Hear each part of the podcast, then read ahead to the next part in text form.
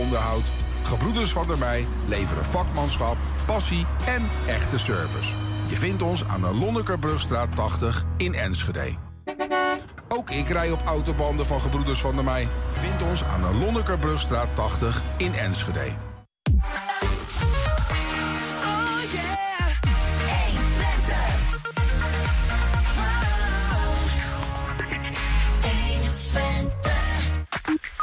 Markt waar je kleding kan kopen op basis van gewicht. De Vintage Kilo Sale is dit hele weekend weer in de kerk op de Oude Markt. Ja, de Glanenbrusse braderie was vooral bekend in de jaren 80 van de vorige eeuw. Waarna het, een stil, waarna het stilaan verdween uit de brug.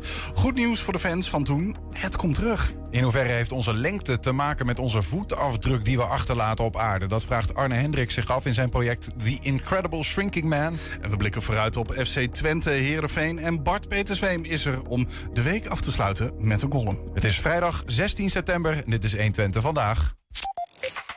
120. 120 vandaag. 46 jaar lang zong hij. Eerst in Christelijk Mannenkoor Glanenbrug... en na de naamsverandering de afgelopen zeven jaar in Mannenklank Glanenbrug. Maar die club ging op 1 januari 2022 na 70 jaar ter ziele. En nu is Chitse Tuinstra koorloos. Maar hij moet en zal zingen, dus richtte hij samen met Remmelt Vriesema een nieuwe club op. Voor Mannenensemble Glanenbrug zoekt hij nu naastig naar stemmen. Chitse, goedemiddag. Ja, goedemiddag. Wat is een Chitse Tuinstra zonder koor?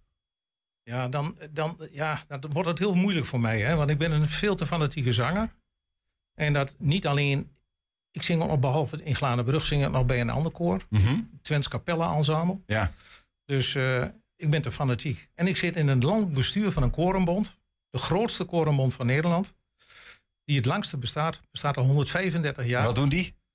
Dat is de Koninklijke Christelijke Zangersbond. Oké. Ja.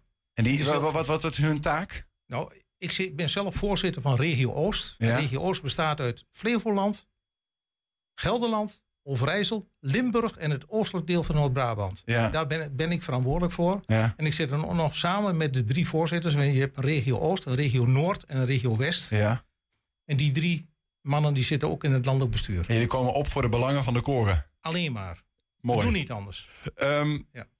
Nou ja, goed. Het, ik, de- de- genoeg eh, reden hebben we nu al gehoord om eh, nou ja, te horen waarom Glanenbrug een nieuw koor moet hebben wat dat betreft. Ja. Eh, want er, is nogal wat weggevallen. Komen we straks op. Heel veel. Eh, maar toch eerst eventjes naar eh, de, nieuw op te eh, zetten club, man, mannenensemble Glanenbrug. Eh, dat moet wel iets anders worden dan Mannenklank en Christelijk Mannenkoor Glanenbrug waren, toch? Ja, nou dat heeft een deels te maken natuurlijk met ooit.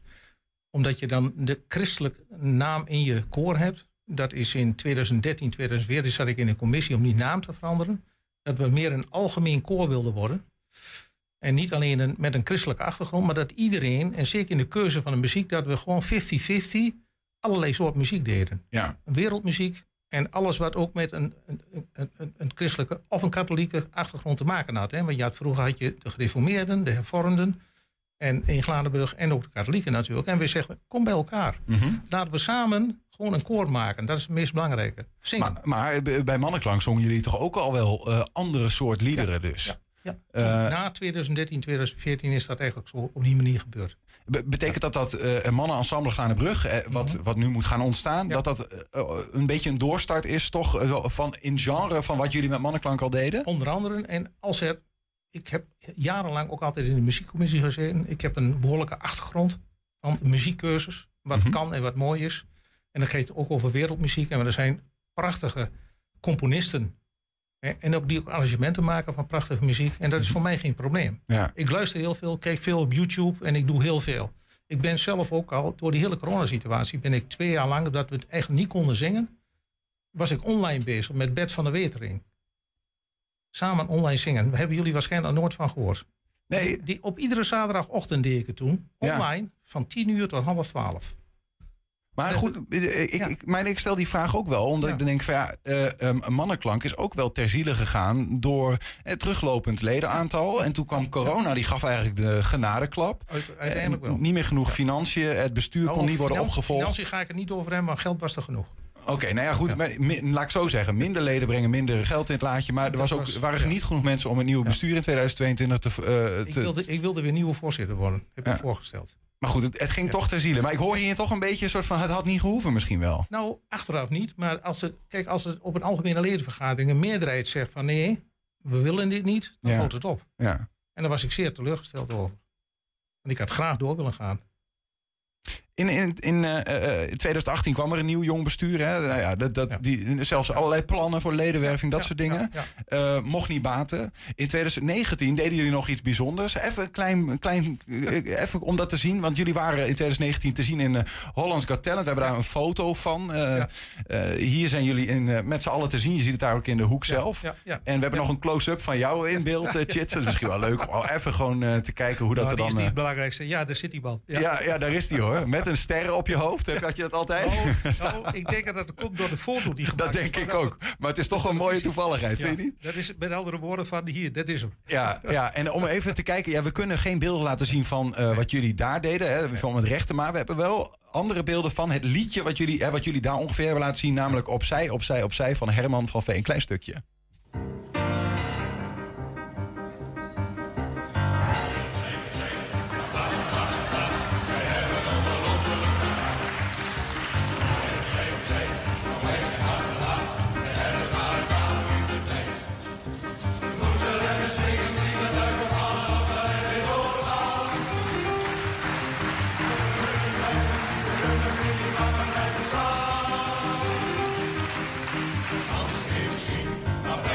Geweldig.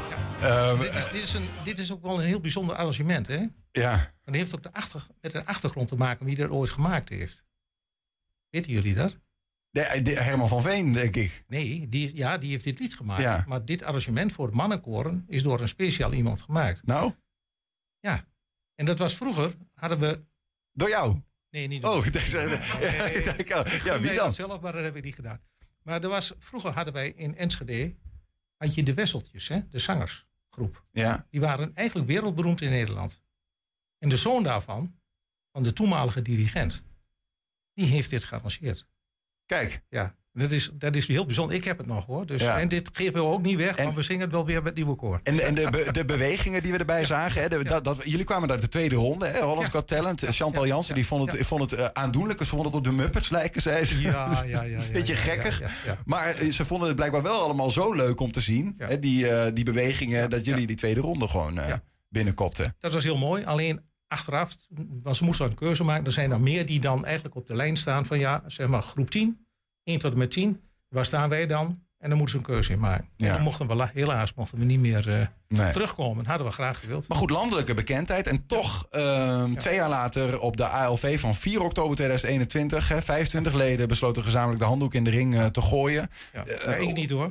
De, eh, v- 24 leden besloten gezamenlijk de handdoek in de ring te gooien. Eh, ja, maar de, het, De meerderheid. De meerderheid. de meerderheid. Hoe voelt dat? Want je zong Ja. 46 jaar eh, bij het koor. Het bestaat al nog steeds, hè? 70 jaar. Ja, ja, ja, ja. ja dat, ik, ik, ik, was teleurgesteld. Je hebt heel teleurgesteld zelfs. Zo beter? Ja, ik, schrijf hem iets dichterbij. Zo. Oké. Ik was heel teleurgesteld. Eh, van ook mijn achtergrond. Ik heb eh, twee keer over een periode ben ik voorzitter geweest.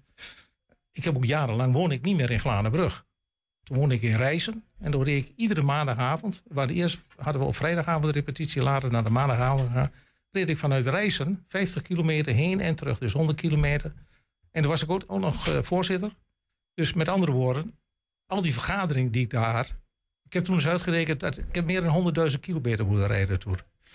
Ik heb nooit geen dubbeltje daarvoor gekregen. Maar de inzet Ja. en de spektakel die dat opleverde voor mij, dat was het allerbelangrijkste. Dat vond ik het meest belangrijke wat er was. Wat, wat, wat- kun je dat proberen eh, uit te drukken? Wat, wat voor jou koorzang en waarschijnlijk Ja. mannenkoorzang. Want, hè, dat, Mannenkoorzang. Ja. Wat is dat?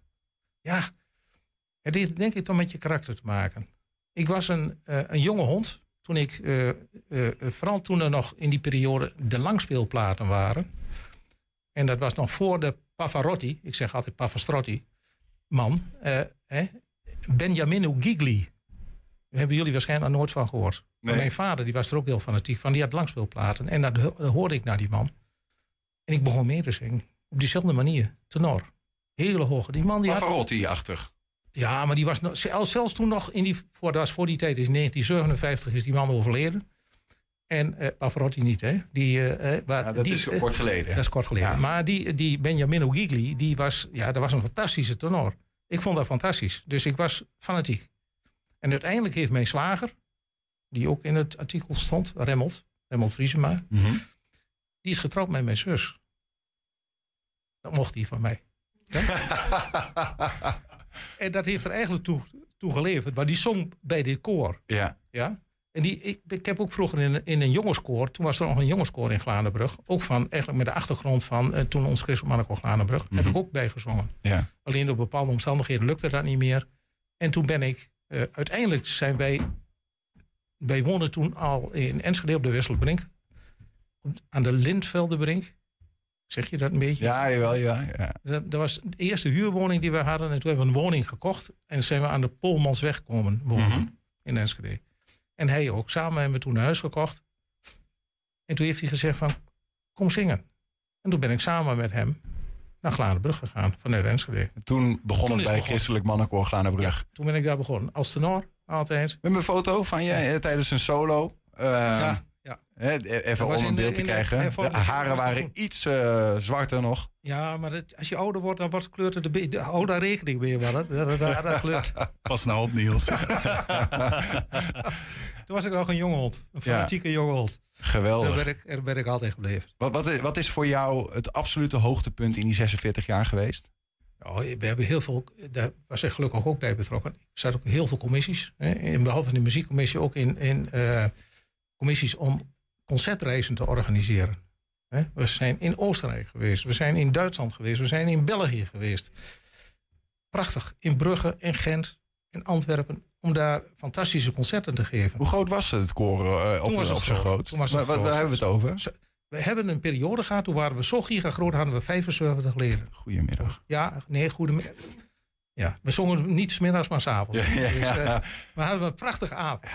En soms, als jonge honden, liep dat ook wel een beetje uit natuurlijk. Hè? Want eh, Ja, ja, ja. we zongen toen op de vrijdagavond alweer. Dan was had je die jongen wel nodig, denk ik, af en toe, of niet? Eh, deze, de, de Lax Fox, eh, het flesje wat je mee die was er toen nog niet in Nee, die periode. Hè? Dat is later gekomen. En ik ben via... eh, ik weet- ken je de man die ooit in Nederland daarmee begonnen is?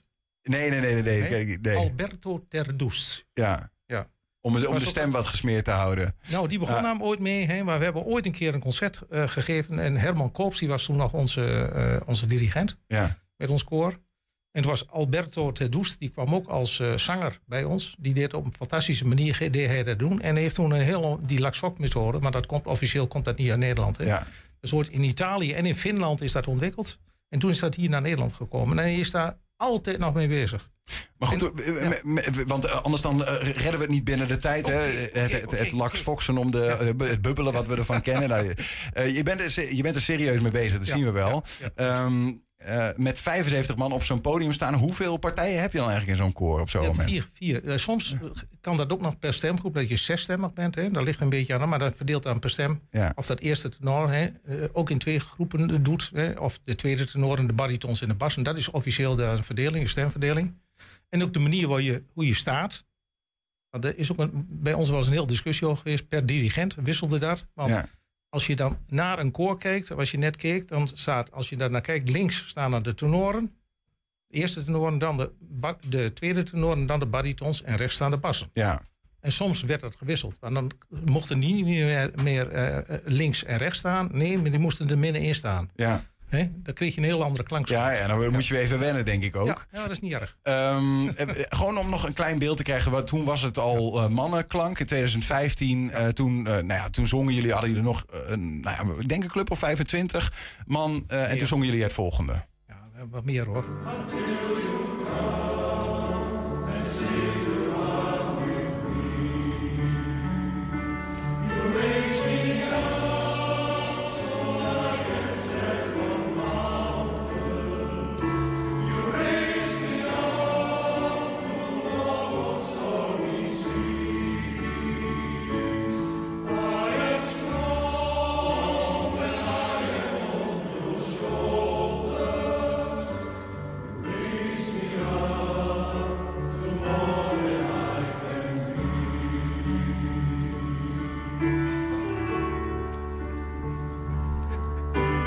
Zit- zitten hier te kijken. We, we, we kijken in de uitzending naar de video. Maar beide heren zijn gewoon mee aan het zingen. Ja, Het prachtig. doet, doet je echt veel ook als je dit zo ziet. Hè? Dat, je blijft er altijd mee bezig. Hè? Maar het is ook prachtige muziek. Hè? En dat heeft een beetje ook te maken met het, eh, het- de koorsoort die je dan aan muziek eigenlijk kiest. Hè? Maar daar was, vroeger was daar een hele discussie over. En uiteindelijk is dan, eh, hebben we toen gezegd in 2015 ook nu weer een algemene naam. We maken een mix, 50-50. We zingen allerlei soorten muziek. Iedereen mag en kan bij ons komen. Daar ging het om. Dat is ook de bedoeling Ja. voor, het, eh, En nu voor- weer voor het projectkoor ook. Hè? voor het nieuwe koor, mannenensemble eh Glanenbrug. Ehm, wa- waarom ga je eigenlijk niet gewoon bij een bestaand eh, koor Er is zitten? niks in Glanenbrug. Wij Maar zijn het moet in Glanenbrug. Ja, tuurlijk. Wij zijn Glanenbruggers. Ja, en er is nu komend weekend ook een heel, maar daar ga je straks allemaal over hebben. Met Glanenbruggers. Ja. Ja, dat is van alles. En de Glanenbrug was vroeger het meest muzikale dorp van Nederland. Ja, Wilhelmina, ook bekend. bestaat nog, hè? Ik Ja. zit in de stichting van Wilhelmina. Ik ben een, eh, een, een fanatieke... Ja, maar eigenlijk hoor je zeggen, Gla Glanenbrug kan niet zonder een koor. Nee, dat moet. Kijk, want eh, je kunt daar kiezen van ja, zing je in welke kerkgemeenschap dat ook, maar dat maakt ons niks uit. Ja. Als wij ergens, of het nu een katholieke kerk is, of we moeten in de, in de hervormde, tegenwoordig de protestantse kerk zingen, Ja. dan, maakt, dan doen we dat. Ja, maar en Ook toch, en toch is Ja. die, die, die oproep in de, de, de krant, hè, de grensstreek, de lokale krant in Glanenbrug. Eh, in mei was dat. Er leverde toch niet, ja, er leverden drie, drie mensen op, maar was niet genoeg Nou, drie. We zitten nu op met acht man, in totaal. nu op dit moment. Hoeveel heb je nodig? En komende maandag, dan krijgen we drie kandidaten erbij. Elf, Dan zitten we mogelijk. elf. En we willen naar 16. Dat is minimaal. Ja, het eigenlijk wel, maar dan heb je per stemgroep vier personen. Hè? Ja. Maar dan moet je een goede verdeling maken. Dat je dan de, eerste tenor vier stemmen hebt, tweede tenor vier Ja. baritons, bassen. En je een goede verdeling hebt, dan heb je een goede stemkwaliteit. Dat, daar ben ik mee bezig. Moeten het Glanenbruggers zijn? Mag uit losse komen, je mag over de grens komen. Ik woon nu, ik ben een grensgeval, hè? Ja. Weet je dat? Nee, Oké. maar ik hoor het. Ik, wo- Gronau? ik ben Gronauer. Oh, ja, ja, ja. Hij is woon niet ik- erg, kan iedereen nee, overkomen. nee. Ik ben Glanenbrugge geboren en getogen in Glanenbrug. Ja, Dus er is niks ja. aan veranderd. Alleen, eh, ik woon eh, sinds 2010. Want ik heb jarenlang heb ik in Reizen gewoond en gewerkt. Dan had ik een, eh, een belangrijke technische managementfunctie had ik daar in een installatiebedrijf. Een van de grootste daar. Dus ga ik, ik ga dit, geen details erover geven. Maar goed, uiteindelijk eh, eh, kon ik toen met pensioen. Nou, dat heb ik toen gekozen. En toen wilde mijn vrouw, die wilde terug naar Glanenbrug. Toen zei mijn toenmalige directeur-eigenaar, die zegt... Je bent niet goed wies. In zijn Rieses ging dat, hè? Ken je dat een beetje, Rieses achtergrond? Je bent niet goed wie, ik kan het verstaan. Oké. En dan kwam er een kort op neer van, ja, doe dat nou niet. Hè? En hij heeft mij toen ook overgehaald. Hij zei, je moet hier komen werken. Ik zeg, maar waarom moet ik hier komen werken? Nou, ik wil hem dat je blief zeggen bij mij. Ik zeg, oh. Ik zeg, dan mogen we hem op tafel gaan zitten. Ja. Dan praten we hem verder. Zo is dat gebeurd. En dat heb ik toen eh, eh, ruim 30 jaar, 35 jaar heb ik daar gewerkt. Maar nu En weer we- terug. En mijn vrouw die wilde terug naar Ja. En toen hebben we gezocht naar een nieuw huis. En dat stond ons daar niet aan. En een toenmalig makelaar die toen nog bestond, Stuivenberg in Glanenbrug. Die heeft ons toen meegenomen de grens over. En toen zijn we in Gronau terechtgekomen in een buitenwijk. Ja. Prachtig gebied daar. Aan de hooiweide heet dat. Dan kom maar een keer kijken. Dan kijk je er ook goed. En, en eh, eh, eh, als het aan jou ligt, blijven we daar ook daar zeg maar gezang horen de komende tijd. Ik, we, zi- ja. we zitten aan het einde, maar ik wil je eigenlijk nog, nog en, en ik weet dat het misschien ingewikkeld is, maar heel kort de mogelijkheid geven. Daar in de hoek is een camera. Werf eh, zangers voor je, voor je club. Ja, hè? ja, leg eens uit Ja. waarom moeten mensen nou bij men, mannenensemble Glanenbrug komen? Nou, iedereen heeft natuurlijk zijn eigen mogelijkheid wat hij wil. Hè? Maar kijk, er zijn mensen die nu ook vanuit Enschede misschien wel denken... van ja, als dat weer een mannenkoor is... maar officieel bestaan er maar drie mannenkoren in Enschede. En wij vallen dan wel onder de gemeente Enschede. Eh, Je hebt nog IBKK, dat is Enschede's Bijzonders Kozakkenkoor. Ja, de Troubadours is er nog als koor. En het politiemannenkoor. Dat zijn de drie mannenkoren die nog bestaan in Enschede. En in Glanenbrug is geen mannenkoor nu meer. En gezegd van Glanenbrug moet weer als historisch dorp zorgen dat er gewoon weer een mannenkoor komt. En daar ben ik mee bezig. Ja. En iedereen is van harte welkom om samen op de maandagavond bij ons te komen. Kom maar een keer luisteren, een keer kijken. als je het bevalt, je bent van harte welkom en we praten bij. En toch nog, laatste vraag, ik ben toch wel benieuwd naar... wat maakt nou een mannenkoor mooier dan een gemengd Ja, dat heeft toch de stemkwaliteit te maken. Mannen, dan zeg ik iets, ik ben man. En ik wil niks zeggen over vrouwen. Vrouwen hebben ook wel mooie stemmen, maar bij de gemengde koren hoor ik dat vaak een problematisch gebeuren. En dat, dan denk ik van ja, als mannenkoor, als mannenkoorzanger, ja, daar ben ik heel fanatiek in. Ik heb al die jaren ook wel eens in projectkoren gezongen, dat gemengde koren kwamen en zeiden van, je moet luisteren, we hebben tenoren nodig. Ja. Kun, kun je niet meedoen? Dat heb ik toen ook wel gedaan, om hun te helpen. Maar ik blijf mannenkoor. Terugkeren bij het mannenkoor, ja. ik blijf mannenkoor. Ik hoor het wel. Uh, wil je kennis maken? Aankomende maandag 19 uh, september en ook de week daarop 26 september uh, is er een nou ja, kennismakingsrepetitie in de ja. rank aan de Schipholstraat 47. Ja. Koffie staat klaar vanaf half acht. Dan mag je inlopen. Chitse Tuinstra, ja. dankjewel. We zitten weer ruim over de tijd, maar het was gezellig. En succes met het koor. Jullie ook bedankt. Ja, we blijven even in Glanenbrug. De Glanenbrugse braderie was namelijk vooral bekend in de jaren 80 van de vorige eeuw. Waarna het een stilaan verdween uit de brug. Zometeen goed nieuws voor de fans van toen. We zijn ook als podcast te luisteren. Wil ik maar even zeggen. 120. 120 vandaag. Ja, vintage kleding scoren in een kerk, dat is niet iets wat je dagelijks tegenkomt. Dit weekend kan het toch echt. Vanaf vandaag tot met zondag vindt er op de Oude Markt in de Grote Kerk een vintage kilo sale plaats. Tweedehands kleren scoren op basis van gewicht. Dat klinkt interessant, maar wat nog interessanter klinkt is een vintage outfit scoren door middel van een wedstrijd.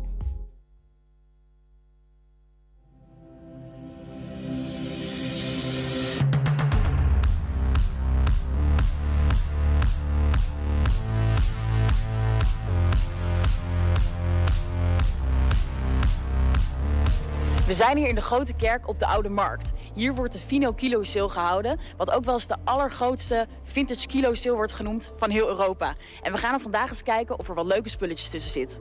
Dat gaan we doen door middel van een race. Allebei krijgen wij één minuut de tijd om de leukste outfit uit te zoeken. En aan de hand daarvan gaan we de mensen vragen wie het leukste outfitje bij elkaar heeft gezocht.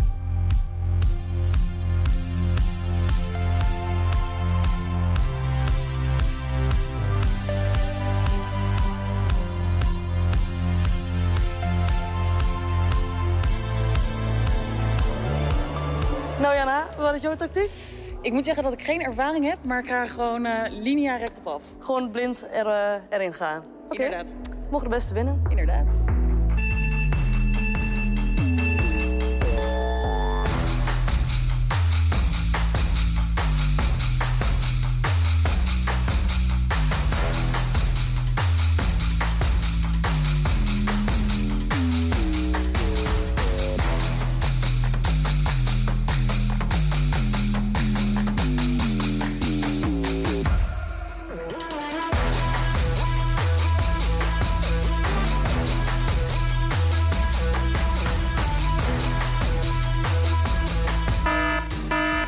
Jij dacht uh, alles wat je pakken kan. Uh... En dan kijken we wat het wordt.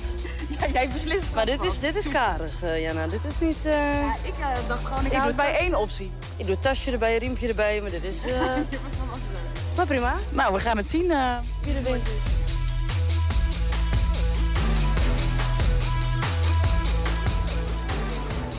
Oké. Okay. Weet u dat ik dat verwacht? Je bent een beetje voor de hippe look gegaan, mevrouw. Ja, je bent een beetje een motormeisje eigenlijk. Ja, een beetje een stoere look. Maar ik mis toch wel een beetje bij jou een tasje ja, en een accessoire. ja, ik had misschien wel een beetje een tasje moeten doen. Maar uh, ja, in principe als ik dit oprol, gaat het allemaal nog wel. Ik vind het wel grappig. Het is wel leuk. Het is, wel, leuk. en nu zijn we benieuwd wat er, de mensen ervan vinden. Laten we dat eens gaan vragen. Uh, wij doen een wedstrijdje wie de beste outfit heeft uitgezocht. Mm -hmm. Dus aan jou de vraag, wie heeft de, de mooiste outfit aan op dit moment? Ja, ik ga dan toch voor die. Ja? Ja, sorry. Oké, okay. duidelijk weer. Prima. Ik denk dat ik jouw kleren eerder zou aandoen. Ja, ik denk toch wel voor de leren jasje. Dat... Een leren jasje? Ik vind hem wel heel cool. Ja, dat oldschool Ralph Lauren ook heel leuk. Ja. Uh, en we vragen ons af, wie vind jij de beste outfit hebben? Van jullie twee? Ja. ja. Uh, ja, ik vind dit toch wel gaver. Ik vind het leren jasje wel gaaf. Ja, ja. Oké, okay, cool, cool. Ja, dat voor jou. Ja, ja, jij ziet er ook goed uit, maar uh, ik vind dit cooler, ja. De leren jasje, dat, uh, dat doet wel iets, hè? Doet hem wel, dat doet hem wel. Jij. Alweer, hè? En waarom vindt u uh, deze uh, de mooiste? Uh, ik vind de trui leuk, die eronder zit. Die trui doet toch wel iets, hè? De Amerikaanse vlag. Ah, dat had ik nog niet gezien. Dan is hij niet zo mooi. Als je dat niet ziet, dan is hij wel mooi. Nou Jana, ik denk dat het eindresultaat wel duidelijk is. Ik denk dat ik gewonnen heb, of niet Bo? Ja, dat was wel, wel duidelijk. Prima. Maar ik moet zeggen, ik vind het ook wel een gaaf jacket. Met die trui? Maar jij hebt het ook niet verkeerd gedaan hoor, Bo. Nee, maar ik denk dat ik hem toch even uit ga doen, want dit, dit werkt niet. Ja, gefeliciteerd uh, Janna, mooi gedaan. Uh, het is een soort van Glanenbrugs half uurtje met een kleine onderbreking... want ook het volgende item gaat daarover. Want bij menig oudere Glanenbruggen zullen ze nog op het netvlies... Uh, nou, gebrand, maar in ieder geval op het netvlies staan. De braderieën die vooral in de jaren tachtig daar heel populair waren. Het Glanenbrugse feestweekend stierf een, stille dood... maar wordt nu nieuw leven ingeblazen. Aankomend weekend gaat het gebeuren... en daarmee gaat een droom van de Glanenbruggers in vervulling. We praten erover met twee betrokkenen. Dat zijn Mark Oonk. Hij is uh, voorzitter van de Glanenbrugse Ondernemers. En ook bij ons uh, Bert Siemeling, voorzitter van de Dorpsraad. Allebei welkom. Dank je. Dank je. We hebben wat beelden van, uh, nou, volgens mij net na de hoogtijdagen. Uh, dat zijn beelden van, moet ik even noemen, Astrid Stuivenberg mogen gebruiken. Haar vader Jan Stuivenberg heeft de beelden gemaakt. Um, om een beetje een idee te krijgen van, van toen. Ja, nog heel lang geleden. De straat nog niet eens gerenoveerd. En vertel ons even, uh, Mark, want uh, dit, is de, dit is 1990, is dit? 1990, ja. Dat is uh, in de tijd dat de straat nog niet gerenoveerd was. Had je nog fietspad, middenberm en aan de andere kant ook nog een fietspad. En ja, daar waren echt de folklore-dansers en allerlei braderieën met Chinese cowboys en dat soort toestanden. Over die kraampjes. straat is dit? Over de Groenhouse straat, ja. ja. En hier zag je ook dat de straat nog niet was afgesloten. En dat hebben we in 2010 is dat voor het eerst gebeurd dat de Gronostraat helemaal afgesloten is. En dit jaar gaat het weer lukken. De hele straat wordt afgesloten en uh, we hebben 104 kramen. Uh, wat langs de hele straat staat op de wegdek zelf. Dus dat is op zich wel. Uh, Daar vindt het wel... allemaal plaats, op, ja. die, op ja. die straat. Ja. Kijk, hier is nog echt bestoepen waar het gebeurt, voor de winkels. Bert, als je hier naar kijkt, hè, wat, wat, wat gaat er dan door je heen als je dat zo ziet? Ja, leuk, leuk beeld. Ik, ik, kan me er nog wel herinneren van de tijd toen ik ook uh, in Glaanbrug kwam. Dit is mooi om te zien. En dit hopen wij natuurlijk uh, komende zondag te evenaren. Nog groter dan wat er nu is. Wat is er, wat is er zo... Um, ja, wat is er zo mooi en, en uniek aan dat Glanenbrugse dorpsfeest, aan, de, aan die braderie? Nou, het komt voort uit, uh, uit de droom van Glanenbrug. Wij zijn bezig als dorpsraad met de droom van Glanenbrug... waarin wij zeg maar met Glanenbrug eens een toekomstbeeld willen schetsen van hoe ziet Glanenbrug nou de toekomst als het gaat om uh, wat willen ze met verenigingen, met, met, uh, met sport, uh, met cultuur, met muziek, met zang. Hè, net het vorige item. Ook van hoe, wat, hoe denkt de Glanenburger over fijn en veilig wonen? Dat soort vragen. Misschien kan het geluid op de achtergrond omlaag. Dan, want anders dan eh, ik moet even hier een microfoon geven. Ja, ga verder. Dus dat, dat willen we, willen we zeg maar, samen met Glanenbruggers doen. Want uiteindelijk willen we komen tot een visie, toekomstbeeld van Glanenbrug. En daar noemen we de droom van Glanenbrug. En we hebben heel veel dromen opgehaald van de mensen in de afgelopen maanden. En een van de dromen die veelvuldig werd genoemd... werd naast het heropenen van het zwembad... waar we mee bezig zijn, ook weer het in ere herstellen van zeg maar, de braderie... Ja. het Brugge Megafestijn. Nou, dat het, het zwembad, de veiligheid van de Groningstraat... Ja. En, en, en, het, en het terugbrengen van, ja. uh, van, van, van deze braderie. Maar ja. dan ben ik toch wel benieuwd, want ooit ging dit in 2010... of na 2010, uh, ging dit uh, ter ziele.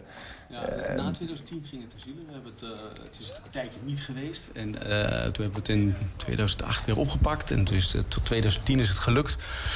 Ja, en, en uh, we werden allemaal veel te druk, denk ik. Uh, en uh, op gegeven moment. de microfoon wat dicht bij. Op een gegeven moment is het, is het gewoon. Um, ja, Sorry, nog één ding, maar kun je iets bovenaan, wat onderaan zit de zender, anders gaat dat storen. Sorry, dat is het laatste wat ik erover wil zeggen. op een gegeven moment is het gewoon een, helaas een stille dood gestorven. En gelukkig hebben we een stel hele enthousiaste mensen gevonden. voor en door Glanenbruggers wordt nu dit georganiseerd. Vroeger kwam het vanaf de ondernemers en nu is het veel meer van het dorp. En dat is ook wat wij willen uh, bereiken met uh, de droom van Glanenbrug. Dat het dorp iets um, uh, kan meepraten over waar de toekomst van het dorp heeft. Wat betekent dat? Ehm, wat, je, wat, je, wat verwacht je zeg maar, van aankomende zondag? Want er staan een, een stuk of 100 kramen, zei je? Ja, 100 kramen. Uh, dus een sportvereniging die een pannaveldje heeft. Uh, dus een, de, de, de, brandweer die knipt auto's uit elkaar. Er is een stormbaan. Er is muziek op straat. Er is een zanger. Mhm. je kunt lekker biertje drinken en, enzovoort enzovoort. Dus er is, er is heel veel te doen. Maar wat we vooral proberen te doen... is mensen te bewegen om ons te gaan vertellen... waar ze in de toekomst van dromen over brug. Dus wat wil je met sportverenigingen? Wat wil je met de woningen? Wat wil je met de huizen? Wat wil je met de veiligheid? Overlast van drugs of enzovoort enzovoort. Wat kunnen wij ophalen die dag aan dromen, zodat we dat aan de politiek kunnen vertellen, zodat we een plan kunnen maken voor de toekomst. Op deze plek, die in feite al een vervulling van zo'n droom is, hè, nummer drie op die lijst, uh, worden weer nieuwe dromen geboren. Juist. Zo moet zien. Juist. We hebben op de middenberm van, van, de, van de straat mogen kinderen hun droom tekenen. Nou, hoe gaaf is dat? Nu hebben we de droom van de kinderen ook al opgehaald in, in april, rond, rond de Pasen. En, en het is leuk om te zien wat die kinderen allemaal, allemaal voor wensen hebben voor de toekomst. En, en, we gaan nog naar de kinderraden van de scholen om nog een keer dat verder te gaan verfijnen. Maar ja, het is heel leuk om te zien wat voor. Kun je wat vertellen wat, wat, voor voorbeelden heb je voorbeelden nou, van? Ja, dat ook allemaal een, een, een, een McDonald's genoemd. maar ook, ook op het gebied van sport en spel natuurlijk. Dat zijn dingen die de kinderen graag ook terugzien. Hoe belangrijk is sport wel niet voor kinderen? Ja. ja. Ja, ja dat, ik moet even denken. Wij hadden ook, uh, wij hebben met de verkiezingen, toen is natuurlijk die droom uitgezet, hè, afgelopen maart uh, ongeveer. Ja, de, toen hebben wij met de omroep ook uh, een vragenlijst uitgezet. En er kwam in Glanenbrug ook naar voren. Hè, uh, voorzieningen voor de jeugd. Ja. En uh, wonen werd genoemd. Ja. dus ja, dat is ook wel een ding wat speelt. Ja, zeker. Ja, zeker nu ook onlangs bekend werd dat er sociale huurwoningen komen op dat maisveld bij de, bij de Willem Banenstraat Ekersdijk. Mm -hmm. Dus dat is wel een thema. En je ziet ook dat heel veel ouderen niet, niet kunnen doorstromen naar andere woningen. Dus woningen blijven bezet. Ja. Dus dat is wel een groot thema, het woonprobleem in Ja. Ja. Heel even terug naar, naar dit festijn, het Bruggerfestijn, zo gaat het eh, heten. Ehm, is dus nadat eh, die lijst met dromen voor Glanenbrug was ontstaan... dat is eh, begin dit jaar, maart ongeveer, is dat op poten gezet. Ja. Dat heeft bloed, zweet en tranen gekost, denk Nou, ik. dat zeg je goed. Dat is heeft inderdaad bloed, zweet en tranen gekost. En er zijn, ja, de kaarttrekkersgroep heeft daar ontzettend hard aan getrokken. En met heel veel vrijwilligers. Met een paar mensen die echt veel hebben gedaan voor Glanenbrug. En wie hun hart en ziel daarin ook voor leven. Ja, is dit voor elkaar gebokst. Heb je niet gedacht, laten we dat dan even de tijd voor nemen... en dan doen we dat in 2000? Nee, nee zeker niet. 23. Nee, zeker niet. Wij hebben een eerste bedoeling om het meerdaags te doen. Dat was te kort. En op zaterdagavond hadden we ook een feestavond willen organiseren. Maar ja, dat kwam, eh, daar moet je meer tijd voor nemen. Dat kon niet georganiseerd worden. Maar ik ben wel heel erg verrast met de denkkracht... en de uitvoeringskracht en de creativiteit van de groep mensen... die dit bij elkaar hebben voorbereid. En ook heel mooi is om te zien, hè, want een van de dingen... er moet ook weer schoongemaakt worden... dat de jeugd van de Bulsweg dat gaat doen. Het is echt samen met Dus z'n echt allen. samen, samenwerken, samen doen en ook elk, elk samen ervan leren. Want we willen wel de basis leggen voor de toekomst. En dat de toekomst de volgende jaren er een meerdaagse eh, evenement wordt.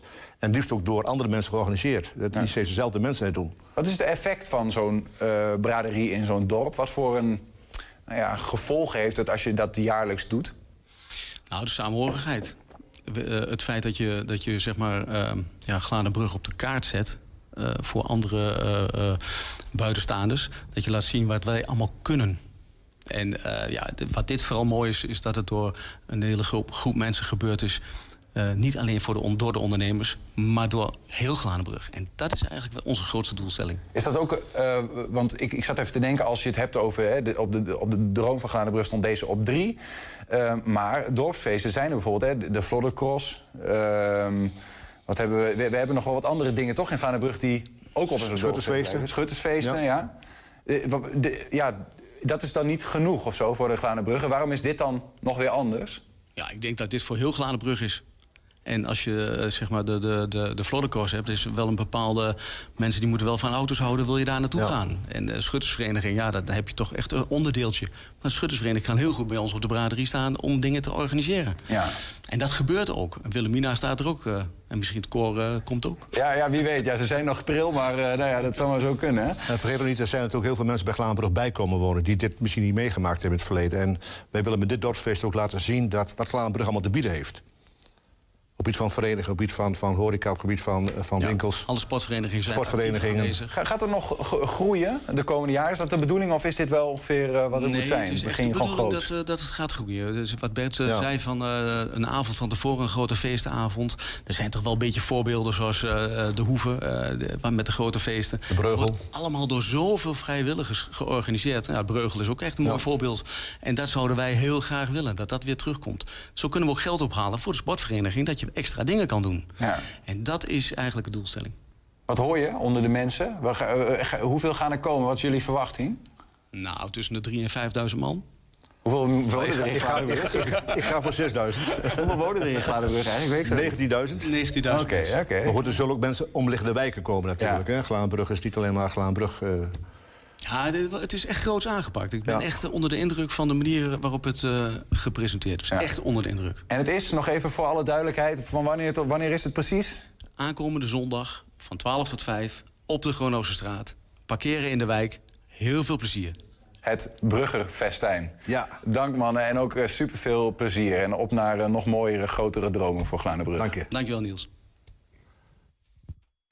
Ja, straks in hoeverre heeft onze lengte te maken met onze voetafdruk op de aarde? Ja, dat vraagt Arne Hendrik zich af in het project The Incredible Shrinking Man. 120. 120 vandaag. Ja, voor FC Twente wacht zondagmiddag de uitwedstrijd tegen Herenveen. De voorbereiding op het duel verloopt naar wens, waar Jans vorige week niet zo te spreken was over hoe er getraind werd in de voorbereiding op AZ uit. Lijkt de oefenmeester over de afgelopen dagen wel tevreden. Ron Jans, hoe klaar zijn jullie voor Herenveen dit weekend? Ja, ik denk, uh, we hebben een goede week achter de rug. Dus uh, ik denk wel klaar, alleen we moeten nog twee dagen wachten. Goeie week achter de rug, zeg je. Bedoel je dan uh, lekker, dat er lekker werd getraind of zo? Want vorige week was je juist wat minder te spreken over hoe er getraind werd. Ja, nee, maar dat was ik ook. En, uh, soms heb ik ook zoiets van, nou zeg maar gewoon hoe het is. maar deze week we hebben een goede oefenwedstrijd gehad voor de jongens die wat minder spelen. Voor jonge jongens. Ja, daar was ik heel tevreden over. En, en de andere groep heeft hier gewoon lekker pittig getraind. En ja, uiteindelijk gaat het niet om de trainingen. dat is voorbereiding op de wedstrijd. En dat is weer een mooi affiche. Die oefenwedstrijd werd er achter gesloten deuren gespeeld. Uh, welke punten zaten daarin waarvan je denkt... hé, hey, daar, hebben wij, daar kunnen we ons aan vasthouden, daar kunnen we wat uithalen? Uh, nou, wat in ieder geval zo is, omdat wij natuurlijk uh, heel veel wedstrijden hebben uh, gespeeld... is dat uh, je ziet dat conditioneel dit, uh, dit hebben jongens gewoon nodig. Een aantal jongens die bij ons wekelijks op de bank zitten... maar eens een keer invallen of nauwelijks invallen... ja, die, die liggen toch wat, uh, wat achter op schema. En daar hebben we niet zoveel aan kunnen doen. En daar kunnen we nu mee aan de slag. Dus, uh, dus dat is heel positief. Uh, dus, dus conditioneel. Maar de eerste helft vond ik echt dat we ja, veel gedrevener waren dan, dan FC Groningen. En, en ook goed druk zetten en goed voetballen en twee uitstekende goals maakten. Nou, rust was het wat minder. Maar dat, dat, dat waren wel de positieve punten. En Plego Zwelo heeft weer minuten gemaakt uh, na zijn blessure. Hoe is dat uh, daarna gegaan? Want soms even afwachten hoe ze dan weer reageren na die eerste minuten. Nou, die heeft een, uh, een half uur gespeeld. Hij wilde zelf wel, uh, wel, wel 45 minuten, maar de medische staf zei... begin maar eerst met 30 en uh, train nu gewoon mee. En volgende week hebben we weer een oefenwedstrijd. Dus uh, ja, dat, dat, daar zijn we blij mee. Dan doen jullie aanloop naar ja, het weekendje geen competitie? Ja, maar dan hebben we wel een oefenwedstrijd. Dus uh, ik weet niet eens of die weer geheim is. Maar, uh, dus ik kan er verder nog niet zoveel over zeggen. Dat zien de mensen dan vanzelf voorbij komen. Um, ja, dat noemen we pleegvoedsel ook. Ik ben ook benieuwd, is er eigenlijk ondertussen een update van Sadilek? Want dat ging natuurlijk een paar weken duren. Maar ja, kun je daar wat over vertellen? Ja, uh, Mika Sadilek dus. Die uh, had zich wel heel erg gefocust uh, op het Tsjechische elftal. dus dan had hij nu tegen Heerenveen eigenlijk klaar moeten zijn. Of in ieder geval speelminuten moeten maken. En dat lukt niet, net niet. Uh, en daar heeft hij zich nu ook bij neergelegd. Uh, ik denk wel dat uh, tegen Vitesse heb ik goede hoop dat ook Mika weer bij, bij de selectie zit. Dus dat is goed. Ja, hij kan dus niet afreizen met de Tsjech zelf dan? Nee, dat, dat gaat niet lukken. met Sam Stein zijn we nog steeds voorzichtig. Uh, ik hoop dat hij volgende week weer gedeeltelijk kan aansluiten met, uh, met de groep vanwege zijn hersenschudding. En, uh, en van de week en kreeg uh, een tikkie op zijn been. En dat is wel een serieus vraagteken voor de wedstrijd van, van zondag. Je noemt uh, niet, die ging ruim met wat rugklachten vorige week. Dat is helemaal goed? Nee, die kreeg een uh, tikje op zijn, op zijn staartbordje. En gelukkig kon hij al twee dagen later gewoon weer, weer meetrainen. Dan de tegenstander. ja, die kreeg vorige week een pak slaag. Maar tot die pak slaag ging het er anders aan toe daar. Welke indruk heb jij van ze tot dusver? Die indruk voor mij is nog niet, uh, nog niet klaar. Ik heb het gevoel dat ze, als ze wat meer ruimte krijgen... dat ze dan op hun, uh, hun sterk zijn. Uh, thuis hebben ze ook wel best moeite gehad om het spel te maken. Maar bijvoorbeeld uit bij Fortuna was het eigenlijk een hele makkelijke overwinning. Dus heel goed georganiseerd. met drie centrale verdedigers, twee spitsen, één snelheid en actie. Ander echt een, een doelpunt te maken van Hooydonk en, en Sar... Ehm, ja, het is, uh, is, een, is, een, boeiende ploeg. Maar ehm, ja, over het algemeen vind ik dat de laatste jaren... dat wij ja, tegen Herenveen wel lekker aan het voetballen toekomen. En ik uh, hoop dat dat zondag ook weer zo is. Wat problemen op het uh, middenveld daar? Ja, dan vraag ik me altijd af hoeveel het dan scheelt wat jou betreft. Ja, het enige wat ik zeker weet is dat uh, Alilovic die is geschorst. En Haaien uh, heeft wat fysieke klachten. Of hij wel of niet speelt, ja, dat is aan hun. Dus wij, wij hebben alleen maar invloed op, op onze eigen ploeg.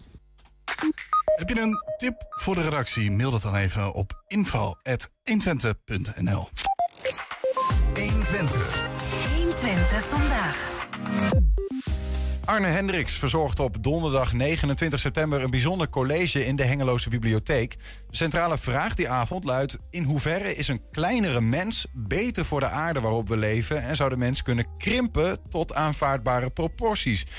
De Amsterdamse kunstenaar stelt zich dit soort vragen al zeker 15 jaar en heeft tal van anderen betrokken bij zijn project met de naam The Incredible Shrinking Man toepasselijk. Arne, goedemiddag. Goedemiddag. Hoe, hoe kom je hier nou bij? Wat zeg je? Hoe kom je hier nou bij, joh? Oh, ehm, nou ja, goed. Uh, ik ben zelf een uh, nogal grote man. En ik heb altijd een beetje ongemakkelijk gevoeld in mijn eigen lichaam. Ik dacht altijd, waar, waar is het goed voor? dus ik had al een soort gevoeligheid. En ik ben het gewoon eens gaan onderzoeken. Hoeveel impact heeft dat grote lichaam? En ik kwam er al uh, snel achter dat het veel beter is om wat kleiner te zijn. Als je een beetje binnen de grenzen van het planetaire wil blijven. Dat klinkt voor sommige mensen denk ik als abracadabra. um, maar bedoel je dat... Uh, want ik ben, ik ben zelf 1,90. Uh, dus, uh, dan de, ja, mijn collega Julian is ook vrij groot. um, dat wij samen met elkaar te veel middelen gebruiken op deze aarde? Ja, je weet het, weet je, eh, grote auto's gebruiken meer benzine dan kleine auto's. En uh, op dit moment gebruiken we met z'n allen te veel benzine. Dus, eh, dus het is beter om wat kleiner te worden. Ik ben zelf trouwens 1,95 meter. Dus wat dat betreft doen jullie het al beter dan ik. ja, nou ja, um, maar, maar, ik zit er bijna af te vragen. We hebben tegenwoordig al uh, uh, bijvoorbeeld vliegschaamte en zo. Moeten we nou een soort van lengteschaamte krijgen? Is dat de bedoeling ongeveer? Nou, ik, weet je, kijk, dat, dat, dat vind ik niet erg als je dat zou hebben. Maar ik, ik, ik wat ik leuker vind, is verlangen naar kleiner zijn, zeg maar. Dus uh, dat, je, dat je meer waardering geeft voor het kleine. Want onze maatschappij, en dat, dat zul je misschien herkennen... Wij, wij, wij geven nogal wat waardering voor lengte. Hè. Eh, lange mensen verdienen meer geld, ze krijgen vaker de leiding in allerlei dingen. We kijken naar ze op letterlijk, maar ook figuurlijk. En het zou natuurlijk heel mooi zijn als we gaan erkennen... dat er juist heel veel waarde ligt in het kleine. Ja, nou ja, ik, ik, ik snap wat je zegt. Ik denk dat over het algemeen mensen opzien tegen uh, grotere mensen. En jij zegt dus van ja, maar er zitten dus ook nadelen aan die misschien wel fundamenteel zijn op langere termijn.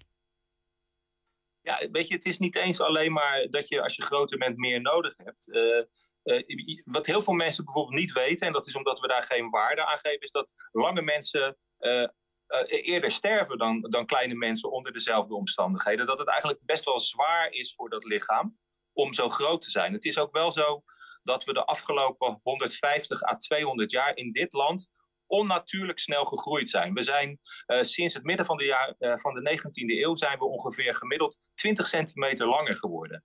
En op evolutionaire schaal is dat, ja, dat is, zo ongelooflijk snel dat Hoe komt je dat eigenlijk? kunt voorstellen dat het ergens niet goed is voor dat lichaam. Hoe komt dat eigenlijk? Weet je dat? Hoe komt dat we in Nederland, want we zijn er met elkaar inderdaad vrij lang. Als je in het buitenland op vakantie gaat, kun je makkelijk over de mensen heen kijken. Hoe kan dat?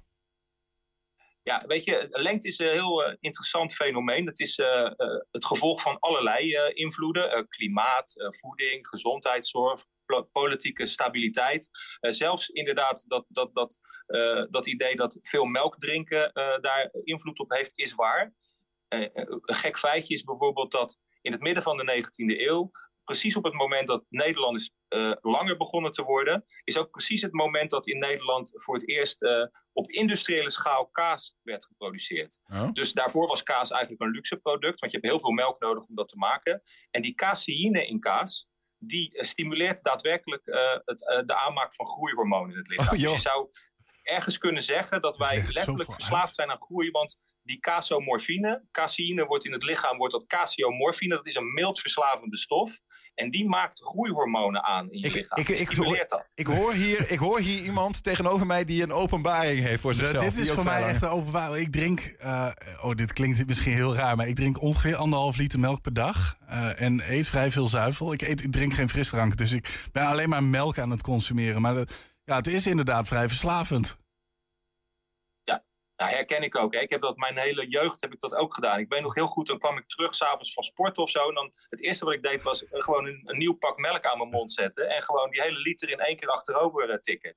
En, uh, en ja, goed, ik ben, ik ben vrij lang, dus misschien heeft dat toch wel impact gehad. Het is trouwens niet zo, even voor de duidelijkheid, dat dat alleen maar invloed heeft. Er zijn genetische invloeden, er zijn omgevingsinvloeden, van alles en nog wat. Goed slapen bijvoorbeeld ook, daar word je ook wel langer van. Dus ik zou zeggen, slaap wat minder als je wat kleiner wilt worden. um, nou, maar, maar uh, voedsel heeft wel voor 15% heeft dat een soort invloed op, op hoe lang je gaat worden uiteindelijk. Ja, nee, maar, maar jij zegt, eh, wat gekscherend slaap wat minder als je wat kleiner wil worden. Maar ik neem aan, kijk, uh, heb jij ook, want je gaat een lezing doen, zit er ook een soort van activistische agenda achter? Dat je zegt van jongens, laten we met elkaar eens nadenken om wat kleiner te worden in plaats van wat groter. Om uh, wat langer leven beschoren te zijn met elkaar, deze aarde? Ja, kijk, aan de ene kant wil ik gewoon een, een inspirerend en leuk en, en, af en toe ook grappig verhaal vertellen op zo'n avond. Dus het is gewoon een hele leuke en interessante avond met heel veel feitjes, zoals we nu ook een paar dingen doen. Maar ik ben zelf wel bezorgd over hoe het gaat. En, en er zit zeker een soort uh, ja, mild activisme achter, dat ik heel erg hoop dat, dat we uh, de andere kant op gaan verlangen met elkaar. Nu verlangen we naar groei. Sommige mensen zouden zelfs zeggen dat we geobsedeerd bezig zijn met groei, economische groei, altijd maar meer. Um, het zou natuurlijk heel mooi zijn als we als mens, en dan heb ik het gewoon over de mens als soort, gaan verlangen naar wat minder en wat kleiner. Uh, en, en dat, nou ja, als je dat activistisch wil noemen, ja, er zit een zeker activisme uh, onder, omdat ik wel denk dat we ja, moeten gaan veranderen. We, we moeten onszelf als soort eigenlijk opnieuw gaan uitvinden. En daar komt dat verlangen naar minder. Volgens mij moet dat uh, daar een onderdeel van worden. Maar hoe groot is dan de, het aandeel van um, onze lengte als het gaat om die voetafdruk? Uh, en dan denk ik even aan bijvoorbeeld, hè, waar we veel over horen, CO2, hè, die, die dan weer zorgt dat het warmer zou worden op de aarde. Uh, hoe groot is dat aandeel? En als dat dan groot is, vraag ik me af. Ehm, ik heb hier nog nooit van gehoord, van dit standpunt. Nee, het is, een, het is een wat ander standpunt. Het is trouwens wel zo dat je wel gehoord hebt van kleiner, want dat zit natuurlijk in onze sprookjes en in onze verhalen en in onze films en boeken. Eh, dus de fantasie over kleiner die bestaat wel al. Maar om dat ook daadwerkelijk uit te gaan voeren als onderdeel van, van een duurzaamheidsvraagstuk of zo, of een, of een toekomst voor de mens, dat is inderdaad misschien wat ongebruikelijk. Uh, de impact, nou ja, je moet je, je moet je voorstellen dat iemand van 1,80 meter, die weegt ongeveer twee keer zoveel, twee keer zoveel, 40% meer minstens, dan iemand van 1,50 meter. Dat komt vanwege de wetten van proportie. Als een driedimensionaal object 10% groter wordt, dan is dat 1,1 keer 1,1 keer 1,1 groter, want je hebt drie dimensies, is 33% zwaarder. Dus, dus uh, ietsje groter worden, maar 10% groter worden, heeft, heeft al enorme impact op hoe zwaar iets is. Nou, dat moet allemaal onderhouden worden. Met name ook qua transport, vervoer, uh, vliegen, et cetera, et cetera. Uh, qua voedsel. Uh, ik weet het niet. Mijn vrouw is uh, ongeveer 1,70 meter. Nou ja, ik eet echt letterlijk twee keer zoveel als mijn vrouw. Ja, ik, ja. weet, ik weet zeker dat, dat jij herkent dat misschien ook wel. Dat, dat kleine mensen om je heen zijn gewoon hebben veel minder nodig. Maar is, is, zijn daar ook cijfers van bekend dat, je, dat, je, dat, dat er bijvoorbeeld wordt gezegd... nou, als we met elkaar 10 centimeter gemiddeld uh, kleiner worden... dan uh, hebben we een zoveel minder grote voetafdruk als het gaat om CO2 of whatever. Zit, zit daar, wordt daar wetenschap over uh, ge, gevoerd, als dat zo gezegd wordt? Zijn de wetenschappers mee bezig op een serieuze manier? Nee, nog niet. Ik trek ze wel af en toe aan hun jas en dan probeer ik ze te betrekken bij mijn, uh, bij mijn uh, uh, fantasie, zou je kunnen zeggen, of mijn verlangen of, of mijn visie voor de toekomst. Ja. Um, het is zo dat het antwoord daarop is, is, is, wat, is wat ingewikkeld, omdat sommige dingen die nemen enorm af als je kleiner wordt, andere dingen misschien niet. En een klein mens kan nog steeds ontzettend veel consumeren. Jij kan natuurlijk als je klein bent ook nog elke week in een vliegtuig springen. En dan heeft het heel weinig impact dat je, hè, dat je, dat je wat kleiner bent. Want dat mhm. gaat ook om, om gedrag. Ik denk dat we wel al heel veel praten over verandering van gedrag. Maar we hebben het niet over die hele praktische dingen zoals gewoon wat kleiner. En voor mij is het ook Weet je wel, het is natuurlijk ook een metafoor voor dat verlangen naar minder. Dat, dat als wij dat gewoon gaan hebben, dan, dan volgt zelf de, de rest vanzelf. En dat is vooral dat ik heel graag wil dat de rest vanzelf volgt. Vanuit ons verlangen. Want dan is het ook niet zo moeilijk om het tot stand te brengen. Nee. Eh, ja, nou, wat... cijfers uh, zou je dan moeten gaan relateren aan uh, um, hoeveel energie is er voor nodig om 1000 calorieën voedsel te verbouwen. En als ik dan 2000 calorieën nodig heb, dan heb ik dus twee keer zoveel van dat nodig. En dat is dan al, soms is dat dan 50% minder. In andere gevallen is het misschien maar 10% minder. Maar minder is het sowieso, dat begrijp je. Ja, nou, maar je, je zegt dus van, je, je, je, jij, uh, je denkt er, zeg maar, het is een fantasie, maar je bent er wel echt serieus mee bezig, al 15 jaar. Uh, je spreekt met wetenschappers. Hoe reageren zij daar dan op? Van ja, dat is op zich best wel een interessant standpunt, waar we misschien ook eens naar moeten kijken. Nou, uh, ik krijg regelmatig zeer geïnteresseerde wetenschappers uh, met mij mee. En die, die denken ook echt met me mee. En die vinden het vaak ook in eerste instantie een gek idee. En, en zeker omdat ik ook wel wat extreem soms doorvoer naar, naar, naar, naar ik zeg bijvoorbeeld, we moeten 50 centimeter worden. Uh, dat is ver. Maar het grappige is dat dat eigenlijk op wetenschappelijke principes gestoeld is. Want Huizenprobleem ook opgelost de kleinste mens die ooit geleefd heeft was 54,6 centimeter. Dat was een, een Nepalese geitenhoede. Die was 54,6 centimeter. Is 75 jaar geworden, weet je wat? weet je? Dus, dus als jij nieuwe dingen wilt ontdekken als wetenschapper... dan ga je altijd net iets verder kijken dan wat al bekend is. Dus krijgen we wel weer met, gezegd, krijgen, we, krijgen wel weer meer natuurlijke vijanden, zit ik ook te bedenken. Ik even, als je 50 centimeter bent, hè, dan wordt de wereld wel een keer een ander speelveld. Hè? Ja, dat is zeker zo. En ik denk dat het ook goed voor de mensen zou zijn om weer wat meer natuurlijke vijanden te krijgen. Want uh, op dit moment zijn wij eh, de natuurlijke vijand nummer één in de, op deze planeet. Ja. En uh, sommige mensen zeggen pas op voor die kat. Maar als ik dan denk wat we met tijgers hebben gedaan, dan denk ik niet dat we zo voorzichtig hoeven te zijn met katten. Ik denk dat die katten voorzichtig moeten zijn met ons. Op het moment dat wij een bedreiging gaan voelen uit onze omgeving, en dit is nog wel een puntje hoor. Want ik denk van hoe gaan we daarmee om? Op het moment dat wij een bedreiging voelen, dan zijn wij natuurlijk zo intelligent en zo ergens ook gemeen als soort. Dan, dan, dan zorgen wij wel dat dat, uh, dat, dat goed komt. Ik maak mezelf wel zorgen over wespen en muggen en zo. Maar goed. Uh, die zijn alweer veel kleiner dan wij. Ja, nou, ik, ik, ik hoor wel in ieder geval, er is uh, een gezamenlijk verlangen naar dit nodig. Want de opleggen van boven wordt uh, ingewikkeld. is volgens mij ook niet per se jouw manier van werken als ik dat zo hoor. Da daarom sta je denk ik ook over in de biep over, over twee weken in Hengelo om nou ja, deze fantasie te delen en mensen te inspireren. Ja, en misschien als laatste, is heel belangrijk dat dit, dit onderzoek echt een collectief onderzoek is. Dus ik weet het natuurlijk ook niet. Ik wil graag dat wij als mens hierover gaan nadenken en fantaseren. Dus, dus, dus op het moment dat je ook naar de BIEB komt, dan word je ook eigenlijk, ook, wat mij betreft, ook onderdeel van dat onderzoek. En dan ben ik ook heel nieuwsgierig naar de verhalen en de ideeën die mensen daar zelf bij hebben. Die, die verzamel ik eigenlijk al 10, 15 jaar. En een heel groot deel van dit onderzoek is gewoon gebaseerd op de, de feedback die ik heb gekregen eh, van het publiek dat naar mij kwam luisteren. Dus uh, kom alsjeblieft uh, met z'n allen naar de Biep. En dan, dan ontmoeten we elkaar daar en dan praten we verder. Voor het Biep College in Hengelo op 29 september zijn nog kaarten verkrijgbaar. Dus nou ja, dan kun je naar de website van de Biep gaan en dat bestellen en meedoen, meedenken met Arne Hendricks in zijn zoektocht naar de kleiner wordende mens, omdat het nodig is. Arne, dankjewel voor een, een bijzonder verhaal. Uniek. Bedankt, bedankt. Succes. 120. 120 vandaag. Ja, Nederland had al een van de duurste spoorwegen van Europa. Toch wordt deze prijs nog hoger. In een nieuwe stelling van de week ging Janna de straat op met de stelling... het OV is belachelijk duur. Maar daar wachten we nog heel even op tot we een vorm van audio binnen kunnen krijgen. En dan uh, uh, doen we de video gewoon heel eventjes opnieuw. Ah joh, we zijn er toch al bijna. Uh, mag hem nog een keer instarten. Met de trein reizen is duurzamer dan met de auto. Maar door de oplopende prijs van de treinkaartjes wordt dat nogal onaantrekkelijk gemaakt. Je kan eigenlijk als het ware nog een vliegticket naar Rome boeken... en dan ben je misschien nog wel goedkoper uit. Vandaag gaan we de straat op met de stelling... het OV is belachelijk duur. Het reizen met het OV is belachelijk duur. Dat klopt. Ja, want? Ehm, ja, als student heb je dan nog wel studentenkorting. Maar als je bijvoorbeeld naar je ouders wil gaan, en mijn ouders bijvoorbeeld in Groningen, dan ben je wel gewoon met één ritje al bijna 40 euro kwijt. En dat is best wel duur als je gewoon even naar je ouders wil. Ja. Ja, want? Het is gewoon prijzig als je naar Amsterdam op en neer wil, 60 euro. Zonder korting, wat dan ook. En ik ging zelf naar Engelo. 24 van één reis en dan nog een 420 terug. Dat is een beetje de trein eens. Eens. Ja, wat? Zeker. Nou, het wordt gewoon duurder. Ook de studenten kunt het allemaal niet betalen. Ja, het is eh, niet normaal duur. Als je naar Amsterdam wilt, betaal je bijna 50 euro heen en terug. Nou, ik heb gewoon graag studenten dus ik heb echt geen idee. Maar stel, uh, eh, je had dat niet. Hoe eh, zou je het dan vinden? ja, ja, vast. Alles is duur. Dus ik weet eigenlijk niet zo goed hoe duur het is. Ja, een kaartje van NS, nu een dagkaart, is 55,80 euro. Maar stel, eh, je moet dan wel 55,80 euro voor een dagkaart eh, betalen. Wat, eh, wat vind je daar dan van? Veel te duur, hè? Veel te duur. Ja. Waarom? Omdat gewoon... Ja, het is gewoon veel te duur. 55 euro? Ja, 80. Voor een hele dag? Ja. Oh joh, dat is wel echt heel duur. Ja, heel duur, want stel je gewoon naar één plek toe. Dan moet je echt een hele rondreis door Nederland willen maken. Maar ik denk niet dat veel mensen dat doen voor.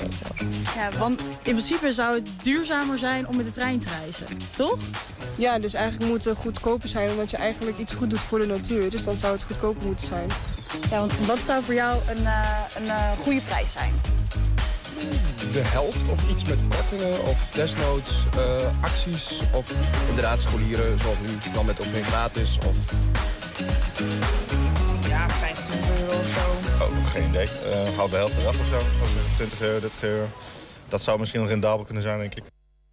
Je moet gewoon zorgen dat je een uh, voordeelkaart hebt. Dat heb ik. Uh, ja. Altijd 40% korting buiten de spits. Wat een luxe. Mag je die een keer lenen? Nee, daar is gewoon wel geld voor betalen. Maar dan heb je er zo uit als je vaak met de trein gaat. Dus dat zou mijn tip zijn. Maar het is inderdaad duur. Ja.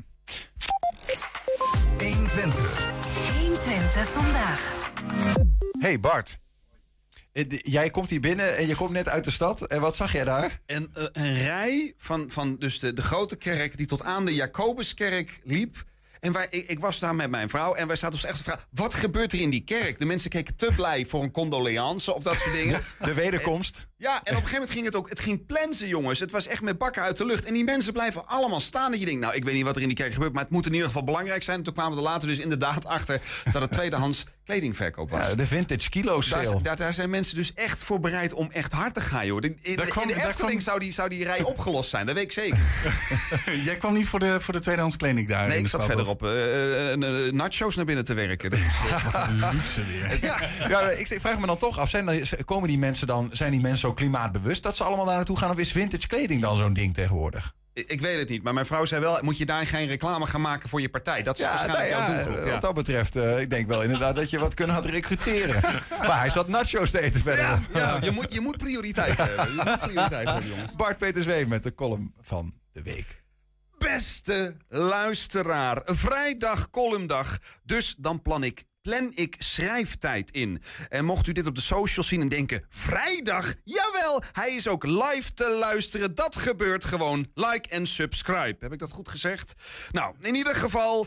vrijdag, columndag, schrijftijd... maar dat kwam vandaag niet goed uit. Dus dit is ook een beetje bij elkaar geschreven. Ik ben heel nieuwsgierig of ik die zinnen goed uit mijn mond ga krijgen. Sowieso is namelijk de werkkamer waar ik schrijf een enorme bende geworden vanwege alle rotzooi die uit de inmiddels babykamer komt. Dat gebeurt gewoon. Voorheen was het een ideale logeerkamer slash bewaarhok met alle rommel die mijn vrouw en ik in de afgelopen jaren hadden verzameld. Maar nu moet het ineens een schone en netjes georganiseerde babyoase worden. Dus zitten wij met al die spullen. Nu begrijp ik ook waarom een van de adviezen die we kregen was om een nieuwe station wagon auto te regelen. Niet voor de babystoel, nee. Die bak heb je gewoon nodig voor de berg aan zooi waar je geen plek meer voor hebt en die je dus naar de stort moet brengen. En voor al het verpakkingsmateriaal ook nog eens dat van die nieuwe dure babydesign afkomt. Want daar moest ons dierbaar archief plaats voor maken. Vooral die schattige babydesign die eerst in elkaar gezet moet worden met een te klein sleuteltje. Dus heb ik nu een hernia, omdat die voorheen superhandige kamer op die beloofde babyoase van rust moet gaan lijken. Dat doet het nu nog niet, ook omdat hij nu nog vol hangt met de geur van triplex, lijm, piepschuim en bloed, zweet en tranen. Letterlijk, want mijn schoonvader had zich opengehaald en ik had stof in mijn oog gekregen, dus stond te janken. Dus die kamer moet nog eventjes doorluchten, zullen we maar zeggen. Ligt daar nu een baby neer, dan wordt hij zo stoned als een garnaal. Bob Marley Jr. in the making. Er hoeft ook geen mobiel boven de wieg, dat hallucineert dat kind vriendje er gewoon wel bij. Mijn punt is, mijn hele huis staat vol zooi en daartussen moet ik dan proberen te schrijven. Maar vandaag lukte dat niet, want ik werd erbij geroepen door mijn vrouw... die gebeld werd door de zuster voor het bevallingsplan. Pardon, het bevallingsplan. Dat is een soort oorlog, oorlogsstrategie voor als de baby komt. Want, zegt de zuster, het is ook goed als de man daarbij betrokken wordt. Ik zeg, ja, is dat zo? Moet dat echt? Maar daar gaat de zuster al op de speaker. Ik zeg u eerlijk, ik weet niet of dat verstandig is. Ik onthoud daar veel te selectief dingen voor. Hoezo? Nou, ik heb nu op dit moment een verhaal onthouden over het je naar de zin maken, over eigen muziek mee, over een wellnessgeurtje, over in bad kunnen en onder de douche. Dus in mijn hoofd klinkt het nu als een soort wellness weekend. Dat is natuurlijk niet zo, maar dat is wat ik onthouden heb. Over een ruimte met een skippiebal. Iets met een bar met kruk of zoiets. Niet dat ik nu denk dat ze alcohol gaat drinken natuurlijk. Dat kan niet als je zwakker, zwanger bent. Maar een mocktailtje moet toch kunnen. Eén ding is dus zeker. Dat wordt voor mij straks een enorme deceptie. Ook omdat ik wel onthouden heb dat mijn vrouw vooral een oud shirt van mij zou kunnen dragen. Wat daarna weggegooid kan worden. Of een oude ruime onderbroek die ook voor mij is geweest. En die daarna ook weggegooid kan worden. Mijn hele garderobe is bestempeld als medisch wegwerpmateriaal. Zoals ik al zei, het is een oorlogsstrategie. Moeder en kinderen eerst. Dus ik verlaat straks naakt een wellnesscenter onderweg naar een huis met een ruimte waar mijn baby een soort kindoase moet ervaren en waar die stoned mag liggen wezen. Dat is het plan. Of misschien ook niet. Want sommige dingen die zijn niet te plannen. Dat gebeurt gewoon. Ik denk dat ik wel weet waar Bart eigenlijk zit tijdens die bevalling straks. 50 meter verderop nachos te eten. oh, geweldig. Dat was hem. 120 vandaag voor vandaag. Dank voor het kijken, voor het luisteren. Terugkijken kan ook. Doe dat vooral. 120.nl. Vanavond om 8 en 10 uur op televisie. Wij gaan weekend houden. Zien je maandag weer. Zometeen op deze zender Julian Vriend. De man tegenover mij met de bril. Julian met vrijdag is voor je vrienden. Veel plezier. 120. Weet wat er speelt in Twente. Nu het nieuws van 5 uur. Goedemiddag, ik ben René Postma. Siewert van Liende heeft het onderzoek naar de mondkapjesdeal tegengewerkt. Hij gaf een verkeerde voorstelling van zaken, hield documenten achter... en speelde partijen tegen elkaar uit, zegt onderzoeksbureau Deloitte in een rapport. Erin staat verder dat het ministerie van Hugo de Jonge de deal doordrukte. De vliegvelden van Rotterdam en Eindhoven kunnen Schiphol niet helpen door vluchten over te nemen. Ze hebben het zelf ook superdruk.